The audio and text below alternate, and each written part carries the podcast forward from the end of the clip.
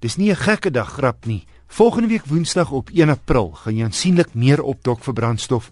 Petrol styg met R1.62 per liter en diesel met R1.24 per liter. Redes vir die stygings is die verswakking van die rand teen die Amerikaanse dollar en 'n bykomende 80 en 'n half sent per liter heffing in die brandstof en padongelukke fonds. Hyundai vervaardig nou sy gewilde H100 1,3 ton bakkie plaaslik. Die hoofbestuurder korporatiewe kommunikasie van Hyundai Automotive SA, Dion Sonnekus. Ons het uh, verlede jaar 'n fabriek geopen in Apex in Benoni waar uh, die HD vragmotors van van Hyundai, dis afdeling van Hyundai Automotive South Africa, waar dit vervaardig is sedert Julie verlede jaar. En hulle onderdele is ingevoer en in en word gemonteer weer mekaar gesit daarso in in die fabriek in Apex. En uh die plan was al verlede jaar om te kyk na ook na montering en uh, van die H100 op die bakkie soos hy bekend staan. Een interessante finansiële voordeel wat ons daai kry is is die bloot die verskeping. Hulle word gebou in Ulsan in Suid-Korea. Die bakkies en dan word hulle uitmekaar gehaal en die komponente word dan verpak in houers en dan omtrent 30 eh, bakkies se komponente kom hier in 10 houers hier aan. En daai manier van verskeping spaar ons 'n hele klomp geld snaaks genoeg eh, vergeleke met 'n volopgeboude voertuig wat ingevoer word. Verder is daar 'n uh, natuurlik die voordeel ook van werkskepping hier en ook die profiel van Hyundai en dit uh, is ook 'n teken van ons uh, belegging in Suid-Afrika dat ons dat die die handelsmerk hier is om te bly en dat uh, ons het al hierdie klompie werkgeleenthede geskep in die proses. Dion beplan Hyundai om ook uiteindelik passasiersvoertuie plaaslik te vervaardig. Op die oomblik is daar nie planne daarvoor nie. Mens kan natuurlik seker soos in politiek sê sê never say never, maar mens moet ook in gedagte hou dat eh uh, die verhouding van Hyundai Automotive South Africa teen Hyundai Motor Company in in Korea.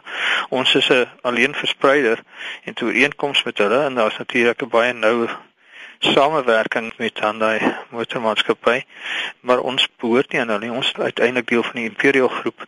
So uit Hyundai se se oogpunt sal hulle nie onmiddellik 'n baie groot fabriek vestig indien dit nie deur hulle besit word nie. So daar's 'n ander soortige verhouding tussen ons en hulle as byvoorbeeld van die ander motorvervaarders wat 'n ten volle besit word deur die moedermaatskappy OC.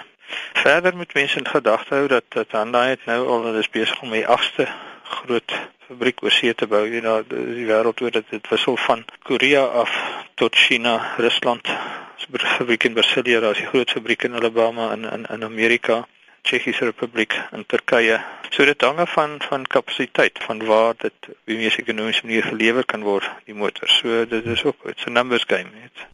Dionette aan 'n saakie van julle modelle is regte goeie verkopers hier in Suid-Afrika en daar is kritiek dat Hyundai en julle uh, suster maatskappy Kia nie modelreekse se verkope aan Naamsa verskaf elke maand nie. Uh, net 'n groot totaal. Hoe so? Wel, dit is 'n besluit wat geneem is.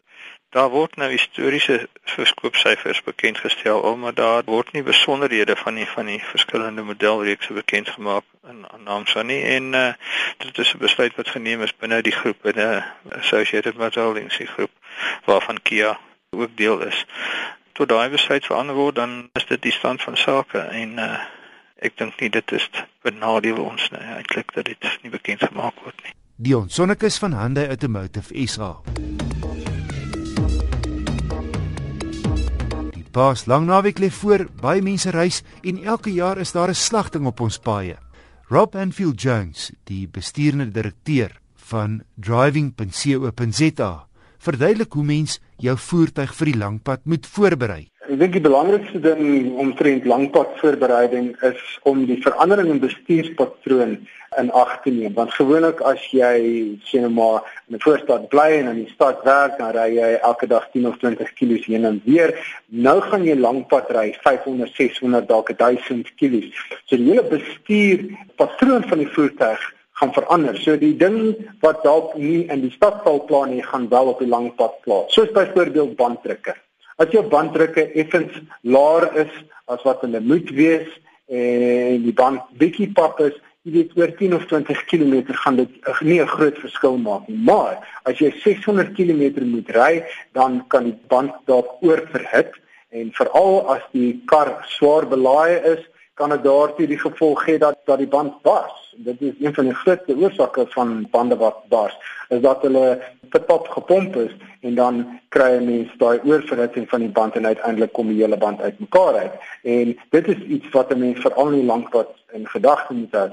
As jy uh, lankpad gaan ry en jy baie bagasie en passasiers in die motor moet hê, moet jy ook in ag neem dat jy die bande op die bepaalde banddrukke vir die vrag wat jy gaan dra, daai lading van die kar moet stel. So dit gaan dalk stywer as gewoonlik gepomp moet word. En daai passasiers waaraan jy nie gewoond is nie, jy gaan hulle vir 600 kg besig moet hou. So dink aan dinge soos uh, speletjies wat jy dalk in die motor kan saamvat vir al vir die kinders of dalk 'n DVD speler of 'n rekenaarspeletjies sodat jou passasiers jou aandag terwyl jy bestuur nie aftrek. Rob, deur veilig te bestuur verminder mense jou kans om in 'n botsing te wees aansienlik. Definieer vir ons 'n goeie en 'n veilige bestuurder.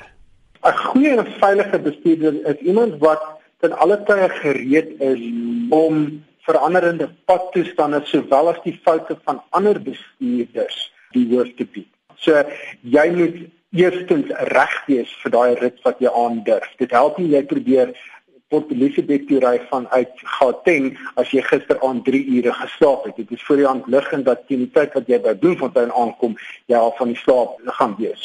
Tweedens moet jy die regte basiese vaardighede hê. Byvoorbeeld, jy moet seker maak dat jy altyd die jou regte volgafstand vir die kondisies handhaaf, want as jy te naby volg, het jy nie net die kans dat jy nie betyds vir 'n ongeluk of 'n ander geval sal kan stil of reageer nie, maar ook dat jy nie die sigbaarheid vorentoe sal hê om daai probleem betyds uh, waar te neem nie. So dit is 'n belangrike ding. En uh, ten opsigte van observasie is ook belangrik dat jy seker maak dat dit langs jou veilig is voor jy van bane verwissel en dis iets wat baie mense nie doen nie.